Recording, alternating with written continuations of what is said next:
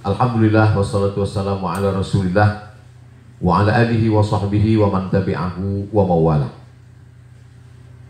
Kalau Pak Kolonel Nawawi tadi mengatakan bahwa ini kunjungan yang kunjungan yang unik, maka saya pula mengatakan dalam sejarah perjalanan hidup saya hari ini saya catat 25 September 2020 perjalanan awal bisa bersilaturahim ke eh, Brigif 4 Marinir.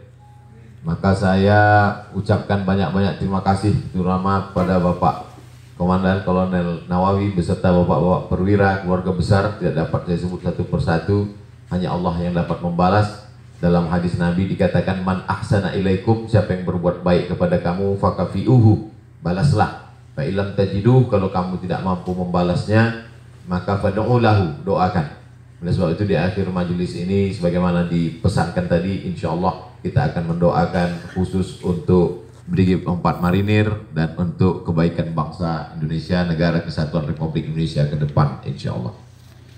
Agama Islam tidak hanya agama ritual, agama doa, agama zikir, tapi juga agama yang bercerita tentang kekuatan pasukan. Selama ini diceritakan Nabi Muhammad itu tentang pasukan daratnya. Bagaimana Nabi berperang pada perang Uhud, kemudian perang Badar, perang Uhud, dan perang Ahzab, perang lainnya. Tapi juga kalau kita baca sejarah, ketika Nabi meninggal digantikan oleh Abu Bakar Siddiq dua tahun lamanya. Kemudian Abu Bakar meninggal digantikan oleh Umar bin Khattab lima tahun lamanya Umar. Dan pada masa Umar inilah pasukan pertama sampai ke Mesir. Kita tahu dari kota Madinah ke Mesir itu tidak jalan darat, tapi mereka melewati Laut Merah. Saya ketika menjadi mahasiswa di Mesir, itu kami juga melaksanakan ibadah haji melalui jalan laut dari Kairo naik bis 7 jam menuju pelabuhan Suez. Dari Suez itu dua hari dua malam naik kapal laut sampai menyeberangi Laut Merah menuju Jeddah. Jadi pada saat itu kami membayangkan bagaimana agaknya pasukan yang dikirim oleh Umar bin Khattab waktu itu panglima perangnya dipimpin oleh Amr bin As menyeberang dari pulau dari Asia menuju Afrika Utara. Karena Madinah itu di Asia sedangkan uh, Mesir itu di Afrika Utara. Bagaimana perjalanan mereka saat itu? Yang pada akhirnya sampailah mereka di sebuah negeri bernama Fustat. Fustat itulah berubah menjadi Al-Qahirah Al-Qahirah itulah yang disebut sekarang dengan Kairo. Dan itu hanya tujuh tahun setelah Nabi Muhammad SAW meninggal pada masa pemerintahan Umar bin Khattab. Lalu kemudian pada tahun 94 Hijrah belum sampai 100 tahun. Jadi kalau kita urutkan dari e, Mesir, dari Mesir kemudian Libya, dari Libya Tunisia, dari Tunisia Aljazair, dari Aljazair Maroko di Afrika Utara. Habis itu semua disapu oleh pasukan umat Islam, berubah semuanya bersyahadat asyhadu alla ilaha illallah wa rasulullah. Lalu kemudian dari Maroko ini tahun 94 mereka menyeberang menuju negeri yang disebut dengan Andalusia. Andalusia itu sekarang kita sebut dengan Spanyol. Dan itu juga uh, bahtera laut yang luar biasa. Maka seorang panglima perangnya bernama Tariq bin Ziyad belum sampai ke ke Spanyol Tariq bin Ziyad membakar kapal lautnya waktu itu dan Tariq bin Ziyad berpidato heroik di depan pasukannya al-bahru amamakum wal adu wara'akum. Di hadapan kalian ada lautan lepas dan di belakang kalian ada lautan lepas dan di depan ada musuh. Pilihannya cuma dua. Kalau mundur ke belakang mati konyol. Kalau maju ke depan mati syahid. Saat itu dia berteriak dan singkat cerita pada tahun 94 itulah umat Islam masuk menguasai Eropa sampai ke Wina dan Islam berkuasa di Eropa itu 700 tahun lamanya. Selama 700 tahun itu berdirilah masjid yang megah istana Al-Hamra. Al-Hamra diambil dari kata ahmar merah karena dibuat dari batu mahal berwarna merah dan hari ini masjid itu menjadi saksi sejarah. Sampai pada akhirnya pada masa Ratu Isabella masjid itu berubah lalu kemudian umat Islam pun jatuh. Memang prosesnya itu selalu tiga Pertama, pejuang. Kedua, penikmat. Ketiga, penghancur. Karena terlena. Tapi umat Islam itu memang seketika dia berjuang, kemudian sampai pada masa penikmat, lalu kemudian terlena hancur, hancur di bagian Eropa, tapi kemudian di abad yang sama juga Islam bangkit di eh, Turki dengan pasukan Al-Fatih. Dan Al-Fatih juga dikenal dengan armada lautnya yang luar biasa. Karena Al-Fatih waktu itu bisa menguasai Konstantinopel bukan melalui darat. Tapi bagaimana kapal-kapal itu dari atas bukit, lalu kemudian kapal itu bisa diangkat, mereka pikul, lalu kemudian diseberangkan, dan kemudian menguasai, mengepung Konstantinopel maka Konstantinopel pun direbut 500 tahun sampai pada akhirnya tumbang pada masa kekuasaan Mustafa Kemal Ataturk pada tahun 1924.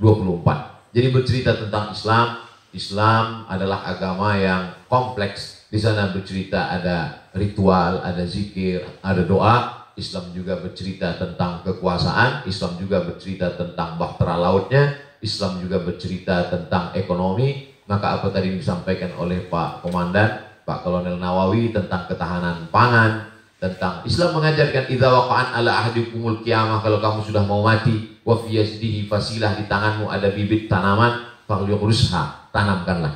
Maka kenapa? Karena ketika menanam itu kita sedang menyemai benih, kita akan memanen, kita akan punya ketahanan pangan.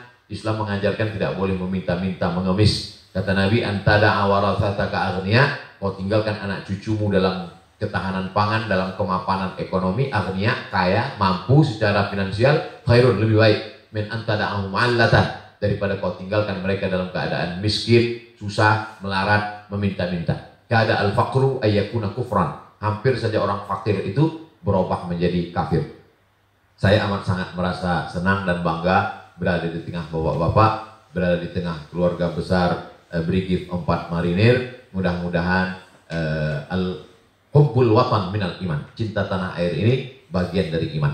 Jadi tugas Bapak, ya, kalau tadi selama ini saya selalu menyampaikan pulau terluar, saya mulai robah istilah itu pulau terdepan. Maka laut kita sebagai pertahanan benteng utama dari serangan musuh, maka ini bukan hanya tugas negara, tapi juga eh, tugas sebagai seorang muslim. Mati memperjuangkan ini adalah sebagai syahid. Syahid artinya disaksikan karena jenazahnya disaksikan oleh para malaikat. Syahid artinya menyaksikan karena sebelum dia mati dia sudah menyaksikan tempatnya di surga begitu yang dijanjikan Nabi Shallallahu Alaihi Wasallam. Tidak merasakan sakratul maut, tidak merasakan azab kubur, tidak merasakan hisab, langsung masuk ke dalam surga Allah. Begitu dijanjikan Allah untuk orang-orang yang mempertahankan negerinya, mempertahankan bangsanya. Sekali lagi saya ucapkan banyak terima kasih. Di akhir majelis kita mendoakan Brigif 4 Marinir mendoakan negara kesatuan Republik Indonesia dengan memuliakan dengan memohon kepada Allah dengan kemuliaan surat Al-Fatihah. A'udzubillahi minasyaitonirrajim. Bismillahirrahmanirrahim. Alhamdulillah rabbil alamin arrahmanir rahim maliki yaumiddin. Iyyaka na'budu wa iyyaka nasta'in ihdinas siratal mustaqim. Siratal ladzina an'amta 'alaihim ghairil maghdubi 'alaihim waladdallin. Amin. Allahumma shalli ala sayyidina Muhammad wa ala ali sayyidina Muhammad. Allahumma anzil rahmata was salamata wal barakata ala hadhihi al-jamaah turunkan keselamatan, kerahmatan, keberkahan kepada seluruh jamaah yang hadir ini ya Allah bil khusus jamaah berigib empat marinir qawi imanahum kuatkan iman pasukan ini ya Allah. Sahih ajsadahum kuatkan sehatkan tubuh mereka ya Allah. Waj'alhum jadikan sebagai benteng negeri kami negara kesatuan Republik Indonesia ya Allah. Allahumma ja'alna minal ladzina yastami'una al-qawla fayattabi'una ahsanah Jadikan kami orang-orang yang mendengarkan ucapan yang baik, mengiringinya dengan amal yang baik.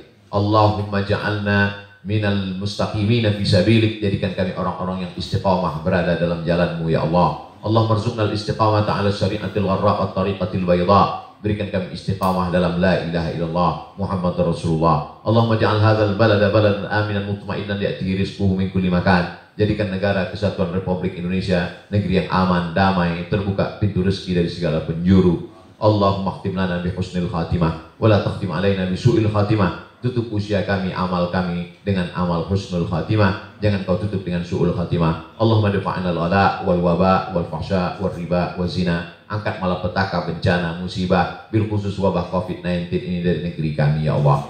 Allahumma ja'al akhirah kalamina inda intihai ajalina Jadikan akhir kalam kami ketika ajal kami sampai yang terakhir keluar dari mulut kami la ilaha illallah Muhammadur Rasulullah sallallahu alaihi wasallam. Rabbana atina fid dunya hasanah wa fil akhirati hasanah wa qina adzabannar. Wa sallallahu ala sayyidina Muhammad wa ala alihi wa sahbihi wasallam. Walhamdulillahi rabbil alamin.